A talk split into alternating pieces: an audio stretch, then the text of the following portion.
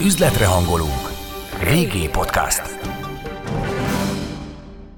Most például, hogyha forint mellett szeretnénk fölvenni egy pozíciót, akkor, akkor az éves szinten 40-41 forintot javul mondjuk a mostani aktuális pozíció, most mondjuk 375 forint környékén tudunk eladni eurót, tehát hogyha egy évre ö, kötünk egy forint mellett nyitott pozíciót, akkor erre a, a bizonyos spot vagy azonnali piaci ára épül rá a forward ár, tehát egy év múlva ö, ugyanezt az eurót én esetünkben akkor 415 forintért ö, tudom eladni. VG Podcast. Becsatornáz a piaci hírek, pénzügyek, gazdasági trendek világába. VG Podcast. Üzletre hangoló. ChatGP már azt ajánlja, hogy a vélemény alapján portfóliót építs. Kérdés az, hogy pusztán ez alapján képes-e bárki is egy portfóliót felépíteni. És hogy milyen gyakran fog változni majd a véleménye. Amit most mondott egyébként, azzal eléggé egyet tudok érteni. Azt mondja, hogy recessziós kockázat van, és fel kell készülni erre. Hát ez egy hogy mondjam, Ez egy, egy tankönyvi igen, olyan, állítás. Mint a, a jósok annak idején, amikor bementél a vásárban a sátorba, és azt mondta, hogy ön előtt nagyon szép, vagy éppen homályos jövő el. Az üzlet egy pillanatra sem állhat meg, de te igen. A VG Podcast bármikor ott van neked. VG Podcast. Becsatornáz a piaci hírek, pénzügyek, gazdasági trendek világába. Nagy szeretettel köszöntök mindenkit a Világgazdaság Arbitrás című podcast sorozatának újabb epizódjában. Én Túros Bense Levente vagyok. Mai vendégeim a Prestige Financial ZRT-től érkeztek. Kis Mónika, aki vezető stratégiai tanácsadó, szervusz Móni. Szervusz, köszöntöm a hallgatókat. És Kassai Szabolcs, aki vezető befektetési tanácsadó, szervusz, köszöntelek a stúdióban. Szervusz, köszönöm szépen a meghívást. Most arra gondoltam, hogy beszélgessünk egy kicsit itt a régiós devizákról, és ezen belül nyilván a forintról. Ugye itt az elmúlt napokban hát próbálkozott a forint több ellenállás letörésével is, már lassan nézegettük, hogy a 370 felé közelít, hát persze még távol voltunk tőle, de aztán mindig rendre bekavar valami, hát most éppen a dollár, ha jól láttam én így a piacon. Ti hogyan látjátok? Így van, egyetértek veled. Valóban, ugye, hogyha azt folyamatosan szem előtt tartjuk, hogy a forint azért abból a szempontból mindenképpen hogy is fogalmazzak, sérülékeny deviza, tehát nagyon, nagyon érzékeny a, nagyobb változásokra természetesen, és ez jól látszik akkor is, amikor ugye a történelmi mélypontról visszaerősödtünk szépen, gyakorlatilag tavaly évvége óta, de ahogy valóban valami, valami olyan történik, ami a piacokra nézve, vagy a világgazdaságra, vagy akár helyi szinten ö, olyan esemény vagy hír érkezik, akkor valóban, valóban viszonylag könnyen vissza tud gyengülni hogy mégis azt látjuk, hogy bőven 400 forint alatt vagyunk, ahogy te is említed, itt a, a 370 lehet akár a célkeresztben. Ennek azért azt soha ne felejtsük el, hogy az elsődleges horgonya, hogy egy jegybanki terminus technikust alkalmazzak, az mégiscsak a 18%-os egynapos betéti kamat. Ez rendkívül vonzó értelemszerűen. Úgyhogy ez a főmozgató rugója annak, hogy folyamatosan próbál erősödni a forint. De az, hogy így kvázi néha pattog, és elég nagyokat tud pattogni. Ebben szerepet játszott az is, hogy mondjuk egy kis piac, tehát könnyebb itt úgymond megmozgatni az árfolyamat? Természetesen. Abszolút így van. És hát valóban, ugye amire te is utaltál, a legutóbbi dollár erősödés okozott azért minimális turbulenciát a forint piacán is, ezért láttunk 390 feletti szinteket, de ahogy ezek a hullámok erültek, valóban most, most ismét előre kapni látszik. Természetesen mérvadó lesz majd az, hogy ez a kamat környezet, amit itt Magyarországon tapasztalunk, ez mikor és miképpen fog változni a valószínűleg a közeljövőben. Tegyük hozzá, hogy a nemzetközi piacokon a feltörekvő devizák úgy néznek ki, mint amikor tényleg kimész a sarokra, a piacra, a paradicsom, uborka, hagyma, mindegyik devizának megvan a sajátossága, és hát bizonyos szempontból valóban felülről néznek a nemzetközi befektetők ezekre a devizákra. Tehát ők azok, akik kimennek úgymond a piacra, Így van, egy kosárra. paradicsomnak a mexikói pezót, vagy éppen uborkának a brazil reált, ezek a termékek bizonyos inkább külső, mint belső szempontok alapján kerülnek megítélésre. Három kulcsszó van, amivel ilyenkor kell foglalkozni. Az első a béta, a második a keri, a harmadik pedig a volatilitás. Ezt, Na, a ezt akkor for, fordítsuk le gyorsan magyarra. A béta az a hozamra, különbségekre való érzékenységet jelzi, azaz, hogy az adott devizában a jegybank által kibocsájtott állampapírok az amerikai állampapírhoz képest milyen érzékenységgel mozognak. Azaz, hogyha a Fed például hirtelen kamatot emel, akkor arra a magyar állampapírpiaci hozamgörbe hogyan reagál. Mi vagyunk a legmagasabb bétájú az egész világon pillanatnyilag, és hát ami Mi azt vagyunk illeti, a legérzékenyebbek, akkor ezt fogalmazzuk a így a kamat környezetre. Erre a bizonyos kockázati változásra, és hát ott van a második tényező rögtön, miénk a legmagasabb keri, azaz mi kínáljuk a legmagasabb nominális hozamot pillanatnyilag a dollár ellenében, és részben az euró ellenében is. Ehhez még egy dolog játszik hozzá, ez a volatilitás, azaz, hogy az elmúlt 12, 24 vagy 36 hónapban mennyire lehetett jó kereskedni ezt a devizát, milyen sokat mozgott. Hát a mi devizánk elég sokat mozgott, innentől fogva attraktívabbá váltunk, sajnos igazából nem a befektetői horizonton, hanem a spekulatív tőke számára.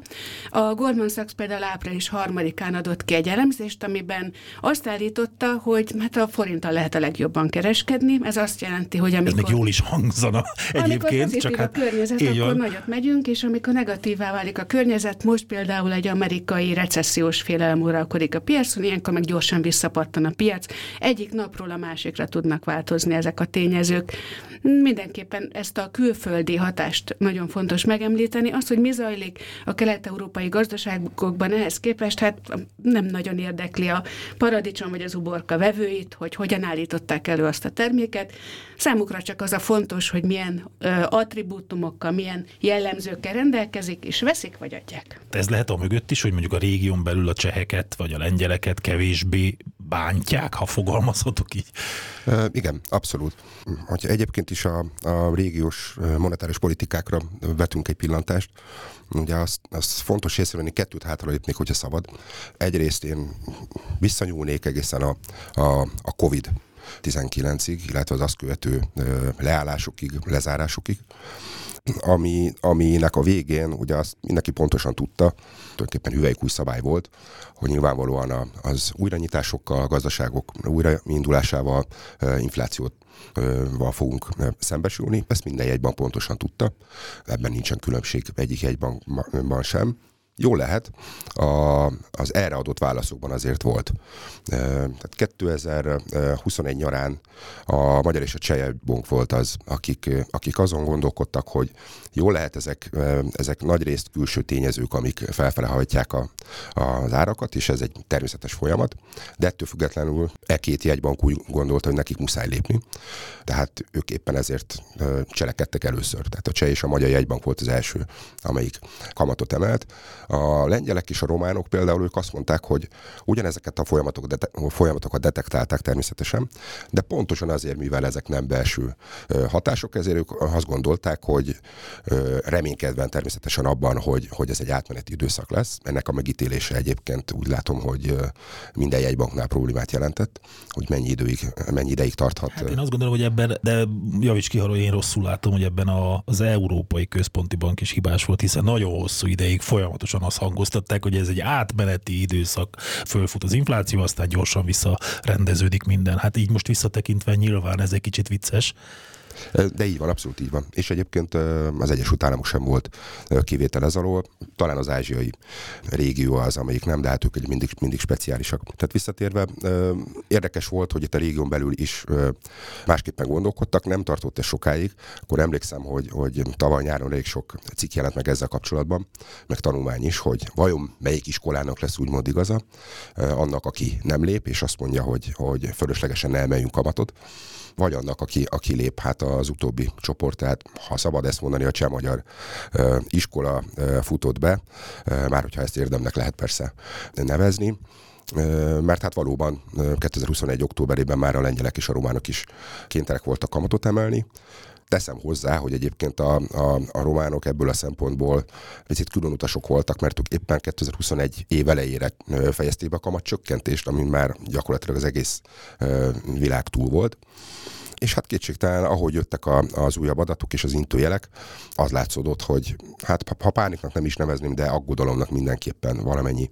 akár régió, régiós jegybank részéről, hiszen egyre másra egyre nagyobb lépésekkel, vagy akár eddig szokatlan eszközökkel próbálták az inflációt megfékezni, ami gyakorlatilag egészen idén éveleig tartott, azt hiszem, ezt kijelenthetjük. Ja, ha már szóba került, ugye Románia számomra az volt meglepő, hogy miért tud a lej olyan stabil maradni, noha elég nagy a kamat különbözet, ugye például a magyar, illetve a román között. Mi tartotta a lejt? Maga a jegybank piacra lépett, és ők intézkedéseket tett, amit szinten tartotta a lejt? Tökéletes a megérzésed, Val- valóban, valóban uh, így volt. Ugye egy időben ez ördögtől való volt, különös tekintettel azzal, hogy minden jegybank mindig azt ö, szokta kiemelni, hogy neki nincsen árfolyam célja, hiszen ő az árstabilitás, elsődlegesen az árstabilitásért felel de mégis egyre másra tetten élhetőek voltak devizapiaci megjelenések a jegybankok részéről, egy idő után pedig ezt már nem is rejtették véka alá. Tehát nem feltétlenül csak a régósokra kell gondolni, mert ugye a, Svájc, a svájci jegybank ezt ugyanúgy megteszi, a csehek bevallottan ezt megteszik, és egyébként, ahogy te is kérdezted, a román jegybank is. Tehát tulajdonképpen mondhatjuk azt, hogy a, a román lejnek egy menedzselt árfolyama van az euróhoz képest, ez okozza az abszolút stabilitását. Tehát, hogyha ezt a bizonyos, mondjuk azt, hogy majdnem három éves időszakot megvizsgáljuk, azt látjuk, azzal fogunk szembesülni, hogy gyakorlatilag egy, egy 5%-os gyengülést mutatott mindösszesen, Covid-dal mindennel együtt, inflációs válsággal együtt az euró román árfolyama. De ezt hogyan kell egyébként elképzelni, és most a hallgatók kedvéért is egy picit próbáljuk meg ezt érthetővé tenni, hogy a román jegybank az likviditással lép piacra, és erre arra tereli az árfolyamot? Pontosan így van. Pontosan így van. Ugye az ő célja az az, hogy hogy vagy megakadályozzon egy, egy talán nem fenntartható, vagy nem menedzselhető devizagyengülést, vagy kifejezetten erősíteni szeretné. Tehát a... magyarul lejt vesz, amikor lejt vesz, így van. Így van. indul, vagy indulna már előtte pontosan lejtvesz, és az adott devizát, esetünkben mondjuk az eurót eladja. Azért ezt ne úgy képzeld el, hogy a jegybank megjelenik piaci szereplőként, és Tehát azt mondja, a kosarat, és kimegy a piacra. A román jegybank, és most egy nagy tétel lejt fogok vásárolni. Minden kelet-európai jegybanknak, ahogy a nemzetközieknek is megvannak a kereskedői, Londonban, New Yorkban, így nem igazából tudhatod, hogy mikor vásárolt éppen a tételek közül pontosan a jegybank. Nem is lenne ez nagyon nagyon szerencsés, de az, hogy mi történik és hogyan kezdődik, az nagyon fontos, hiszen éppen reggel beszéltünk róla, hogy a lengyel jegybank is erre az útra lép. Így van, a vártnak megfelelően 6,75 százalékon tartották az alapkamatot. A régióban egyébként itt a legalacsonyabb az alapkamat, mert a cseheknél és a románoknál 7%-os alapkamat van Magyarországon. De azt gondolom, ez a gazdaság helyzet és indokolja, tehát azért azt gondolom, így van, hogy ez így van, természetesen. erősebb gazdaság a régión belül, úgy értem. Természetesen. Tehát tartották az alapkamatot, de ugyanazt a fajta kommunikációt azért ők is megengedték maguknak, amit, amit más bankok. Csak most valóban, ahogy Móni is említi a, a sajtóközleményből, hogy a kommunikációba bekerült ez az új elem, hogy eszközként, ha arról van szó, akkor akár devizapiaci műveletekre is hajlandóak az Lotyi nem kívánt gyengülésének elkerülése érdekében. Ugye itt korábban beszéltek arról is, hogy a forint gyengű, gyengeségét az is, a, tehát a spekulatív tőke ö, okozza, illetve a sortosok, akik ugye nyilván erre játszanak, és akkor ezt próbált az MNB valamilyen szinten, hogy hát nyilván a kamatok emelésével kiküszöbeli, de ezt hogyan kell elképzelni? Ugyanúgy, mint amiről az előbb beszéltünk, hogy megjelenik a piacon valaki kosárral, de most ugyanúgy ö, kell ezt elképzelni, hogy a forint ellenében jelennek meg ezzel a kosárral a befektetők, a spekulánsok? Ez tulajdonképpen igen. Itt nyilván egy külföldi befektető, nevezzük akkor őket inkább spekulásnak, aki kifejezetten a forint gyengülésére játszik, jól látva azt, hogy az elmúlt évtizedekben, és hát valószínűleg a jövőben is ez így lesz, hogy egy folyamatosan gyengülő devizát tisztelhet a forintban, valóban ugye akkor forintot elad, mondjuk eurót vagy dollárt vesz, és mindezt határidős ügyleten keresztül szokták jellemzően megjátszani, amiben beépülnek az úgynevezett forward árak, a swap árak, erre van ráhatása a jegybanknak a, a, a kamatpolitikájával, és hát valóban az, az nem, is, nem is titkolt célja volt a jegybanknak, amit egymás közt szólva azt hiszem sikeresen abszolvált is, hogy olyannyira megdrágította a, a swapokat, hogy egyszerűen már nem éri meg egy külföldinek a forint ellen spekulálni, sőt, most inkább már átbillent, ahogy a beszélgetésünk elején is utaltunk erre, a másik irányba, tehát inkább vonzóvá szeretné tenni a forintot. Ez nyilvánvalóan az infláció elleni mm, küzdelemnek egy, egy fontos része, hiszen egy folyamatosan gyengülő deviz az plusz inflációt generál az adott országban. A Prestige Finance-ben Szabi az, aki minden reggel követi ezt a bizonyos forward mozgást. Nagyon érdekes egyébként, talán nem annyira mm, tudja mindenki, hogy mit jelent az, hogy ennek ára van, milyen költségekkel jár egy vételi vagy egy eladási pozíció, hogyan változik ez, és hogyan lehet figyelni. Ma valaki az utcáról szeretné forwardot kötni, az megteheti? Megteheti, természetesen. Ennek nyilván van egy szabályozott környezete. A jól ismert Forex piac az, az gyakorlatilag bárki számára elérhető, már csak abból a szempontból is, ahogy szokták mondani, a piacra lépés korlátai szinte tökéletesen leomlottak, hiszen már kis összeggel, kis tőkével, és hát nyilván a kockázattűrő képességünknek, vagy hajlandósági képességünknek megfelelően megválasztva az adott kötésméretet fogadhatunk a esetünkben a forint ellen vagy mellett, és ezek a bizonyos kamatkülönbözetek. Ezt, ezt hogyan képzeljem el most, hogy forint mellett vagy ellen? Ez azt jelenti, hogy akkor valamilyen más devizával Így szemben, van. vagy párban. Tehát ez azt jelenti, hogy ha forint ellen fogadok, akkor eurót vásárolok. Így van. Vagy fordítva értelmszerűen, akkor eurót adok el, és forintot veszek. Pontosan, pontosan. Ugye ezeknél az ügyleteknél valóban, ahogy említettem, a kamatkülönbözet az beépül az árakba, a jövőbeli árakba, hiszen 1, 2, 3, 6, 9-12 hónapos ügyletet is nyithatunk. Itt a leginkább a swap piac változását én egy évnél szoktam megvizsgálni, hogy ez hogyan alakul. Most például, hogyha forint mellett szeretnénk fölvenni egy pozíciót, akkor, akkor az éves szinten 40-41 forintot javul mondjuk a mostani aktuális pozíció, most mondjuk 375 forint környékén tudunk eladni eurót, tehát hogyha egy évre kötünk egy forint mellett nyitott pozíciót, akkor erre a, bizonyos spot vagy azonnali piaci ára épül rá a forward tehát egy év múlva múlva ugyanezt az eurót mm, én esetünkben akkor 415 forintért tudom eladni.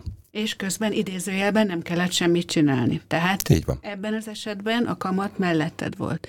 Pontosan. Ott a másik eset, amikor viszont minden éjjel fizetni kell, és szerintem itt a legfontosabb tényező, amiről egyrészt az egyéni befektetőnek is kell tudnia, tehát van hát olyan, ez, ez, ez az a kockázat, ami, ami miatt sokan távol tartják magukat a forex piactól. Úgy meg a pozíciód, a vagyonodat, hogy közben nem történik semmi, csak minden ilyen kamatot fizetsz, és itt kapcsolódunk a jegybanki kondíciókhoz, hiszen ha azok változnak, akkor anélkül, hogy te bármit tettél volna, lehet, hogy másnap mondjuk már 20%-kal több kamatot kell majd éjjel fizetni. Na most, ha itt ugye monetáris politika szóba került, ugye itt a környező jegybankok különböző módszerekkel, de ugyanabba az irányba tartottak. És hát ugye úgy tűnt, vagy már nagyon sokan beszéltek, és beszélünk arról, hogy ugye a kamat, tehát a monetáris szigorítás időszakának a vége lassan, és most már azon gondolkodunk, hogy mikor kezdünk lazításba. Na de hát ugye ezek saját önálló jegybankok, saját önálló devizapiacsal, ami nagyon jó ilyen szempontból, hiszen egyénileg tudják menedzselni a saját devizájukat, Viszont mégsem igaz ez, hiszen ott van a nagy Fed, aki mindent keresztül húz és állandóan felborítja itt a piaci viszonyokat. Hogyan lehet ezt igazából, vagy hát most ez furcsa kérdés, mert nyilván nem vagytok egy bankárok, de hogy, hogy, hogy ezt hogyan lehet úgy menedzselni, hogy, hogy tulajdonképpen függetlenek maradjunk, vagy függetlenül tudunk maradni egyáltalán a Fedtől, és akkor inkább legyen ez a kérdés? Nem. Természetesen nem, és nem csak a Fedtől, hanem a többi nagy egybanktól is. Nyilván itt mondjuk a klasszikusan nagy egybanknak mondott Japán kevésbé játszik szerepet, de az Európai Központi Bank viszont igen. Egyébként is a, a monetáris politik politikában bekövetkező változások tekintetében mindig a Fed szokott lenni a nagyok közül az első, aki lép, legyen szó akár szigorításról vagy lazításról. Sőt, a Fed hagyományosan már verbálisan is ugye korábban lép és időben felkészíti a piacokat. Mondjuk ez talán most egy kicsit változott, de visszaadom a szót.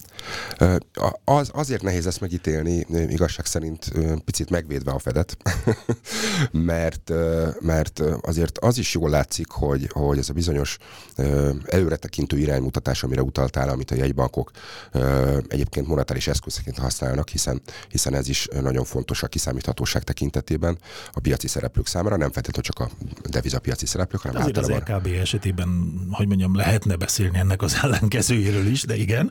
Igen, nál, ugye az LKB speciális, hiszen, hiszen nem, nem egy nemzetállami jegybankról beszélünk, és ott az összehangolás a két végeken, hogyha ezt mondja mondjuk azt, hogy a latin iskola, meg az angol, angol száz, vagy mondjuk ném, inkább német iskolának mondanám, az, az, az mindig feszültséget okoz az LKB-n belül, ez, ez, ez kétségtelen. A, a Fedre visszatérve, ugye, hogyha csak az előző negyedévet megnézzük, azt látjuk, hogy, hogy tulajdonképpen a, a hangulatot, akár az irányt, de a volatilitás mindenképpen befolyásolta a piaci várakozást, tehát a, a effektíve spekulatív vagy befektetői tőkének a magatartás és a várakozása. Tehát nagyon sokszor szembesültünk azzal, amivel egyébként az Európai Központi Bank is még drági idején szembesült, hogy ők mondanak valamit. Az ő horizontjuk mindig sokkal hosszabb, mint, mint ami, amiben mi mondjuk befektetőként vagy akár kereskedőként gondolkodunk, de hát ők mindig ugye 6, 9, 12, 18 hónapra gondolkodnak előre, nem egy-két-három hónapra. És az látszódott az első negyed évben, hogy egyszer csak a piac azt kezdte árazni, hogy, hogy a, az amerikai egybank itt a gazdasági folyamatoknak és mutatóknak köszönhetően már nem nagyon fog kamatot emelni, sőt, évvégénre már kamat vágást kezdett el spekulálni a piac. Igen, ezt így az elmúlt időszakban, hetekben úgy fordítottuk le, hogy hát gyakorlatilag a piac nem hitt a Fednek. Igen, mondhatjuk valóban ezt is, de, de azért, hogy is mondjam, csak tehát az igazság mindig középen van, és még egyszer picit megvédve a jegybankokat, a végén úgyis a jegybankoknak van, van és lesz igazuk. Ez azt gondolom, hogy most is, most is így van, úgyhogy talán ez a fajta hullámzásnak a kisimítása az, az, az bekerült az eszköztárba, vagy a feladatkörbe egészen pontosan egy bankok részéről.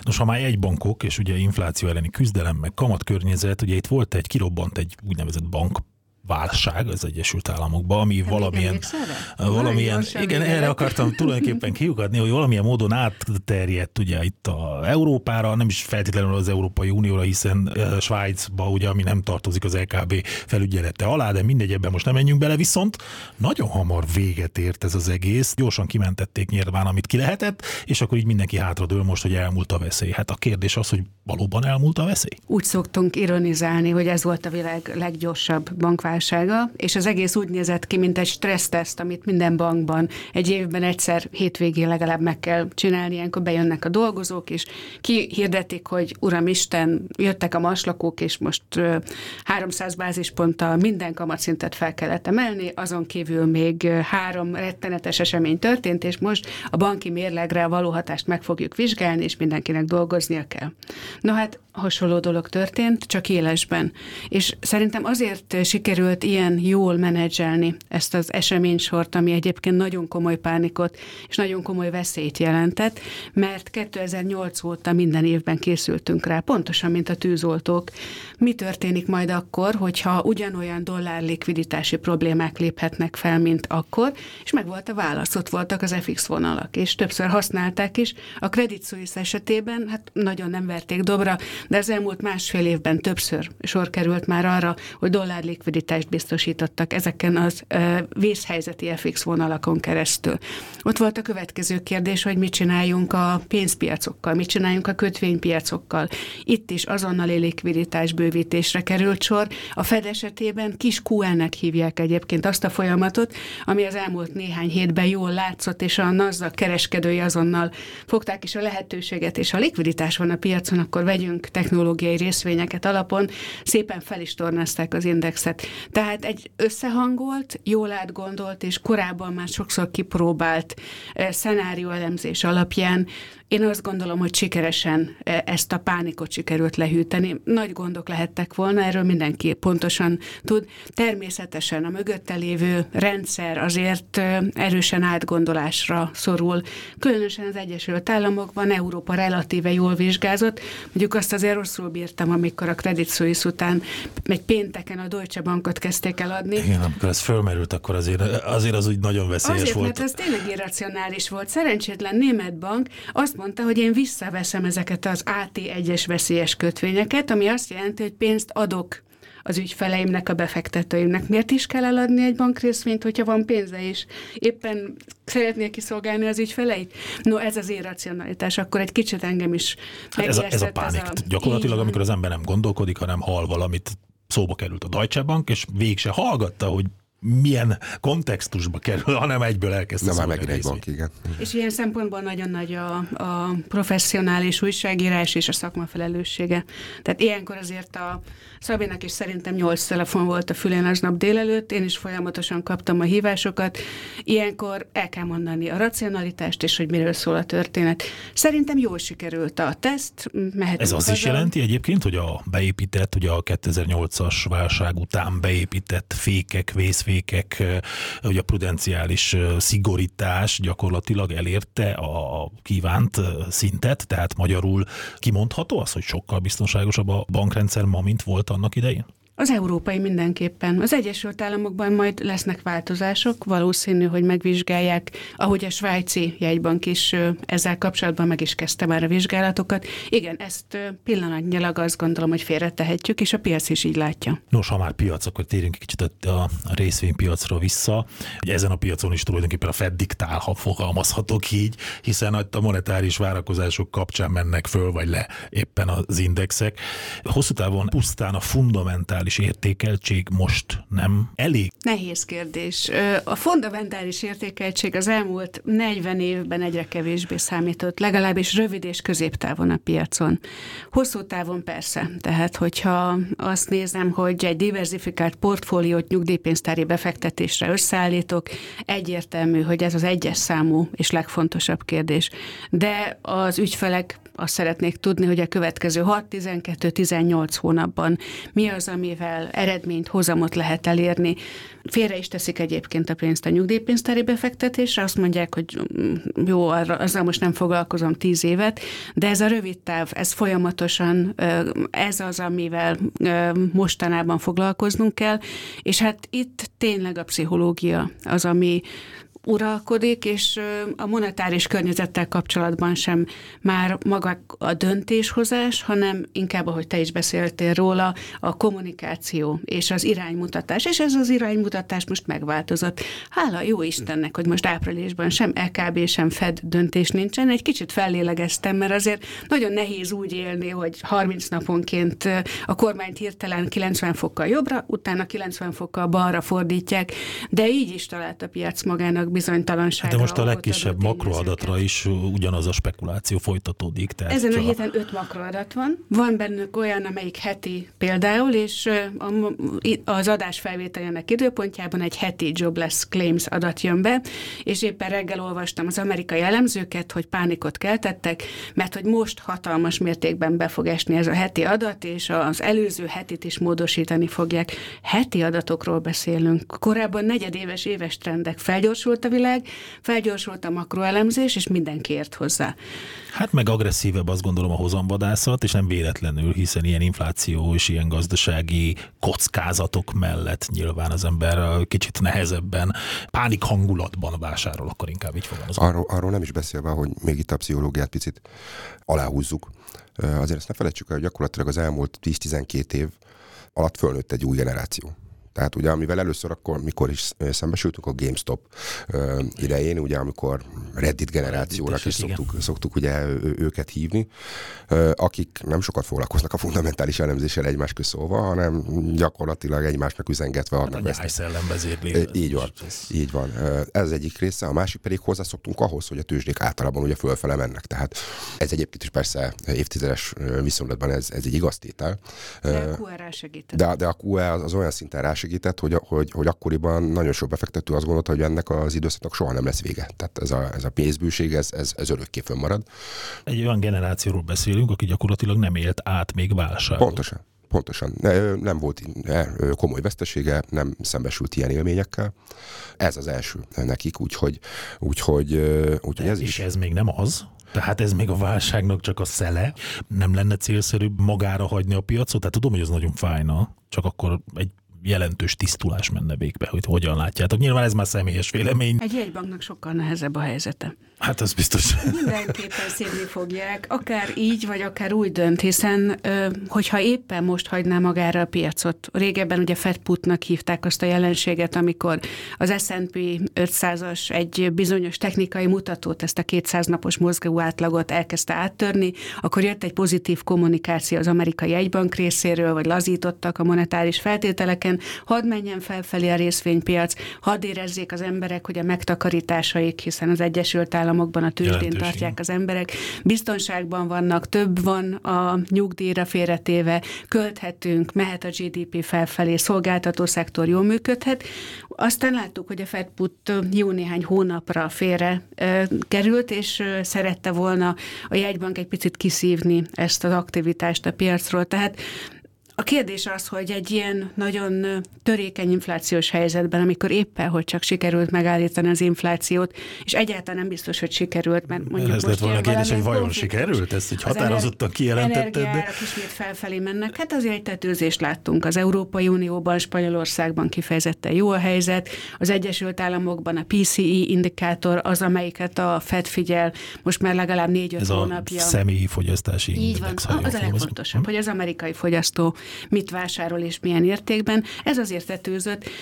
Közben a munkanélküliségi adatok, mint hogyha egy kicsit kevésbé feszes munkaerőpiacot mutatnának, tehát ebben a éppen elértünk valamit, de tudjuk, hogy az infláció nagyon ragadós tud lenni, és az elmúlt 20-30 évben több jegybankár belebukott már abba, hogy ilyenkor abba hagyta a monetáris szigorítást, és rengeteg kérdés merül fel, mikor hagyhatom ott a piacot.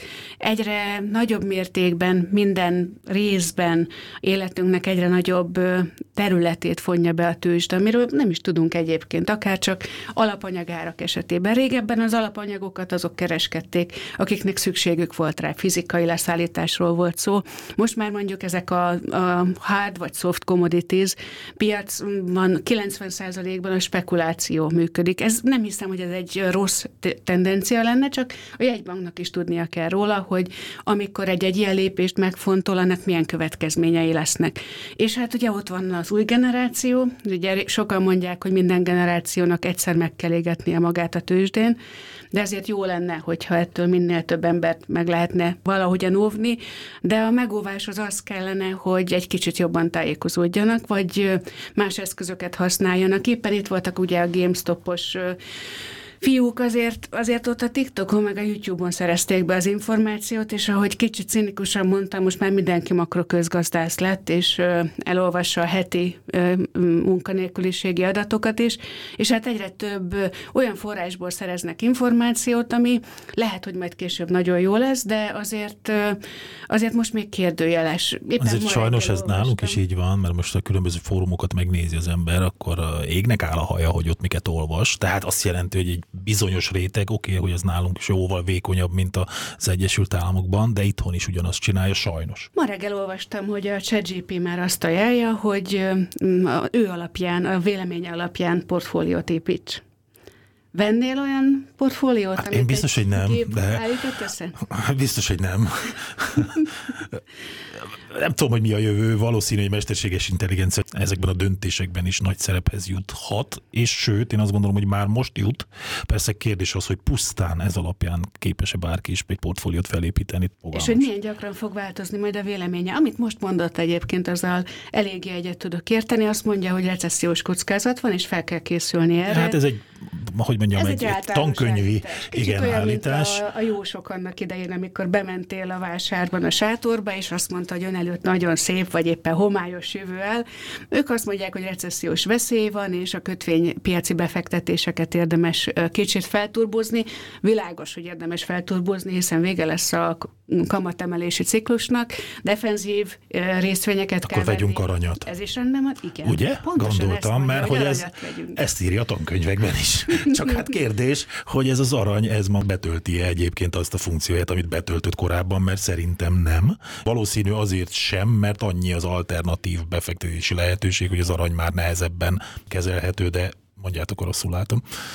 Egyetértek, tehát én, én is sajnos elmúlt az, időszak, amikor, amikor valóban ez tulajdonképpen csukott szemmel lehetett ez az eszközhöz nyúlni, hogyha mondjuk recessziós kockázatok vagy félelmek voltak, akkor, akkor dollárt vettünk, svájci frank vettünk, aranyat vettünk, teljesen egyértelmű volt, ez, ez most már elmúlt, és valóban, hogy, hogy olyannyira felgyorsult ez a, az egész történet, ez először egyébként szintén a devizapiacon volt érzékelhető, amikor az algoritmusok megjelentek, amelyek ugye először csak mm, szimplán mondjuk matematikai, kvantitatív elveken kereskedtek, de aztán ezek az algoritmusok elkezdtek szöveget elemezni, elkezdtek élőszavas jegybanki kommentárokat elemezni. Természetesen ennek ugyanúgy megvan a hatalmas kockázata és buktatója, de ez, ez úgy látszik visszatérve arra, amit te is mondasz, hogy, hogy az itthoni fiatal befektetők körében is ez, ez már elő-előfordul. Ez, ez ebből is látszik, hogy, hogy azért van itt is táptalaj, amire hullhat ezen. Az teljesen világos, hogy gyorsabban elemez, mint én. Gyorsabban elolvassa a statementet, előbb megtalálja a megfelelő információt. Kulcsszavakat keres. Na de megtalál minden információt? Na az a kérdés, igen, hogy... Mert gondoljunk bele egy picit, és bocsánat, hogy most szabadba vágok, hogy, hogy egy hazai részvényt fogok most példaként említeni, de csak azért, mert nyilván ezeket jobban ismerjük. Egy OTP-t, egy Richtert, egy Telekomot nem pusztán a számok alapján elemez egy ember, nem úgy dönt, hogy most a Telekomnak ezek a számai, és akkor vegyek részvényt, hanem ott, ott egy csomó más dolog is, ugye a piac ismerettől kezdve, a menedzsment ismerete, a, a, a, tehát ezek mind, mind közrejátszanak azt gondolom egy elemzésnél, amikor kialakul egy kép az OTP-ről, vagy a Richterről, vagy bármelyiket sorolhatnám. Na most ezt egy mesterséges intelligencia nyilván nem látja, vagy nem tudja. Meg lehet retanítani ezzel, szerintem nincs is olyan nagy gond. Meg lehet keresni azokat a soft és hard bemeneti mutatókat. Tehát bemutatjuk alapján... neki például a Csányi Sándor urat? Igen, és elkezdi tartalom elemezni, hogy amit ő mondott, abban hányszor szerepel például a, nem tudom, fellendülés szó, szó vagy bármi ilyesmi, vagy akár a kacsa.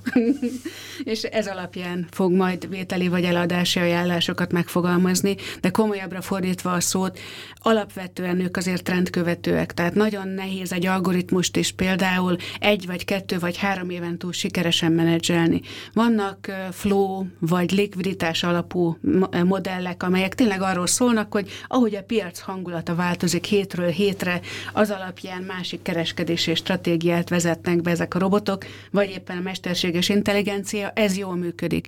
De amikor kitalál valaki egy algoritmust, azt veszi észre sokszor, hogy egy-másfél év után megváltozott a befektetői környezet, és erre már nem tud reagálni. A ChatGPT esetében, bár ugyan tényleg gyerekcipőben jár, én a gondot inkább a másik oldalon látom, túlságosan gyorsan változnak a vélemények, és hát iszonyú nehéz úgy kereskedni, hogy délután már azt mondja, hogy add el azt az aranyat, és helyette inkább egészen más befektetést keres, és azért én azt gondolom, hogy a, az a bizonyos emberi ösztön, az még mindig nagyon nehezen programozható, bár DeepMind kutatások ebben az irányban is indultak már, de a tömegpszichológia, szociálpszichológiai programozás az még tényleg a kezdeteknél jár. Lehet, hogy 20-30 év múlva, addigra én már nyugdíjban megyek, és nem lesz ezzel gondom.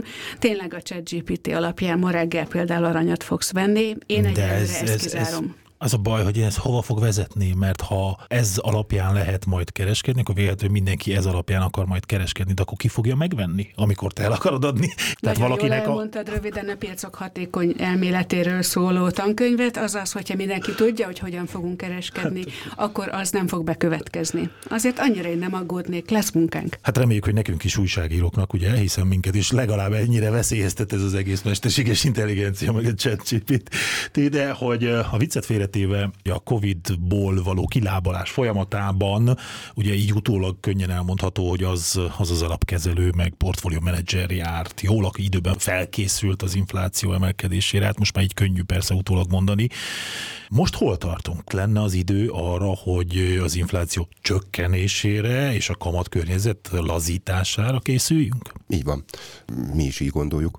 Az kétségtelen, hogy amikor már jól látszódott az, hogy a, ez a, ezek a bizonyos inflációs folyamatok, ezek nem lesznek átmenetiek, persze minden átmeneti nyilván, de mondjuk nem egy-két-három-hat hónaposak, hanem ennél, ennél sokkal ö, hosszabb idő, akkor ugye indokolt volt ö, természetesen például befektetési alapok tekintetében indexkövetőt venni. Ugye annak is megvolt a maga veszélye, hiszen egy indexkövető befektetési alap ugye nem addig emelkedik, ameddig az infláció, hanem itt a várakozások beépülése volt a, a kulcspont, ami, amikor mondjuk ezeket érdemes volt eladni. De valóban most, most eljön az a, a, az időszak, amikor a, a, a kötvényalapoknak az ideje jön el, és valóban a, a hozam csökkenéssel ezzel plusz hozamot, profitot lehet majd generálni. Kelet-Európában különösen, hiszen magas szinten vannak a kamatok, lengyelek is az év végén, jövő év elején kamatot csökkenthetnek. Nálunk is az a várakozás. Érdemes a hozamgörbének a hosszú végét figyelni. Tíz éves szegmens fölötte Kelet-Európában, nem is tudom, kihagytam-e még, van-e olyan ország, ahol lényeges hozam csökkenésre számíthatunk a következő hat hónapban. Szabi, mit gondolsz? Nem, szerintem el, elmondtad a, az összes esetemre. Románia lehet még, bár ott a legfrissebb elemzések, ugye most a 7%-os környezet van mondjuk a 10 éves papírokat figyelve, ott még lehet, hogy egy kis hozamemelkedés lesz év végéig, most ez a, a legfrissebb elemzés, amit olvastam, mondjuk ezzel a 30 bázispontot kell érteni, tehát 7,3%-os várakozások vannak a 10 éves román állampapír az tekintetében. De a szuper beszálló lehet, így van. Tehát itt is, mivel ugye ezek a hullámzások és a, a fordulatok időben eltolódnak, még hogyha a régión belül maradunk akkor is. Valóban, valóban itt, itt azt gondolom, hogy, hogy jó beszállók lesznek majd a következő 6-9 hónapban. Egyébként a régión belül mennyire jellemző az, hogy lakossági beszállási lehetőségek vannak. Most értem ez alatt, hogy például Romániában azt gondolom, hogy a névérték az elég magas, tehát ott egy egyszerű kis befektető nem igazán tud labdába rugni. Így van. Hát ezért lehetnek jók a standardizált termékek, tehát a befektetési alapokat is ezért, ezért említettem. Egyrészt nyilván befektetőként nem kell végigvizsgálnom az összes állampapír, amit, amit, amit elérhető. Azt nem mondom, nem kell érteni hozzá, de, de, de legalábbis nem kell mélyen beleásni magamat.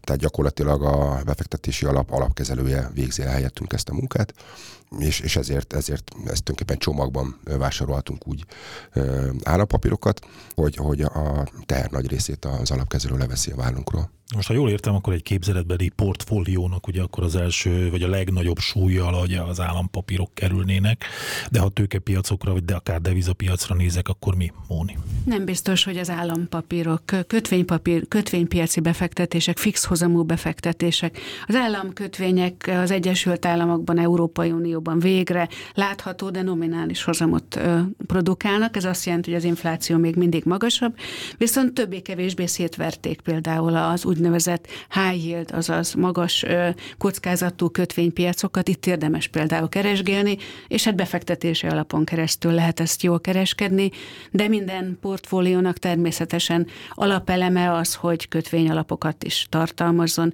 Ami a devizát illeti, szerintem aki jól diversifikált, az most arra, hogyha újra ránéz a portfóliójára, akkor is, ha részvényeket tartott, és akkor is, ha bankrészvényeket tartott, azt látja, hogy rendben vagyok diversifikálni deviza szerint, euró, dollár, svájci frank, forint, mekkora portfólió, milyen hosszú időre tervezünk, legalább álljunk három-négy lábon, és akkor rendben vagyunk. Ez az elv működik mind az eszközosztályokban is, mind a devizában is.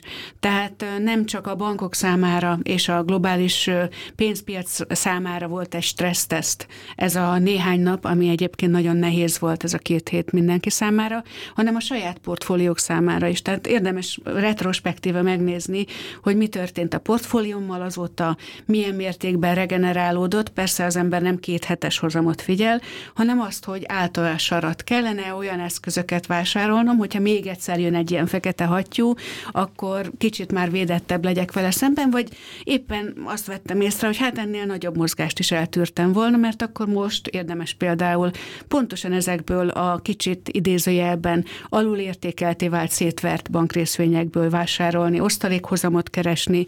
Hát rengeteg sztori van a piacon, érdemes egy picit most visszalapozni a, a, a teljesítményben is megnézni, hogy ez alapján hogyan kellene portfóliót változtatni.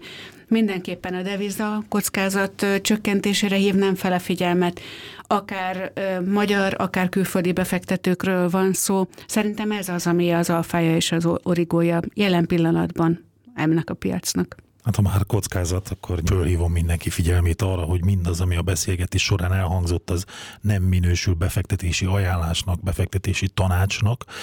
Bárki ezen gondolkodnak, kérem sokkal körültekintőbben tájékozódjon. Kis Mónika, a Prestige Financial vezető stratégiai tanácsadója, és Kassai Szabolcs vezető befektetési tanácsadó volt ma a vendégem. Nagyon szépen köszönöm, hogy eljöttetek. Öröm volt itt lenni, köszönjük. Köszönöm én is még Várunk vissza Megkívánok. máskor is, nagy szeretettel. Üzletre hangolunk. VG Podcast.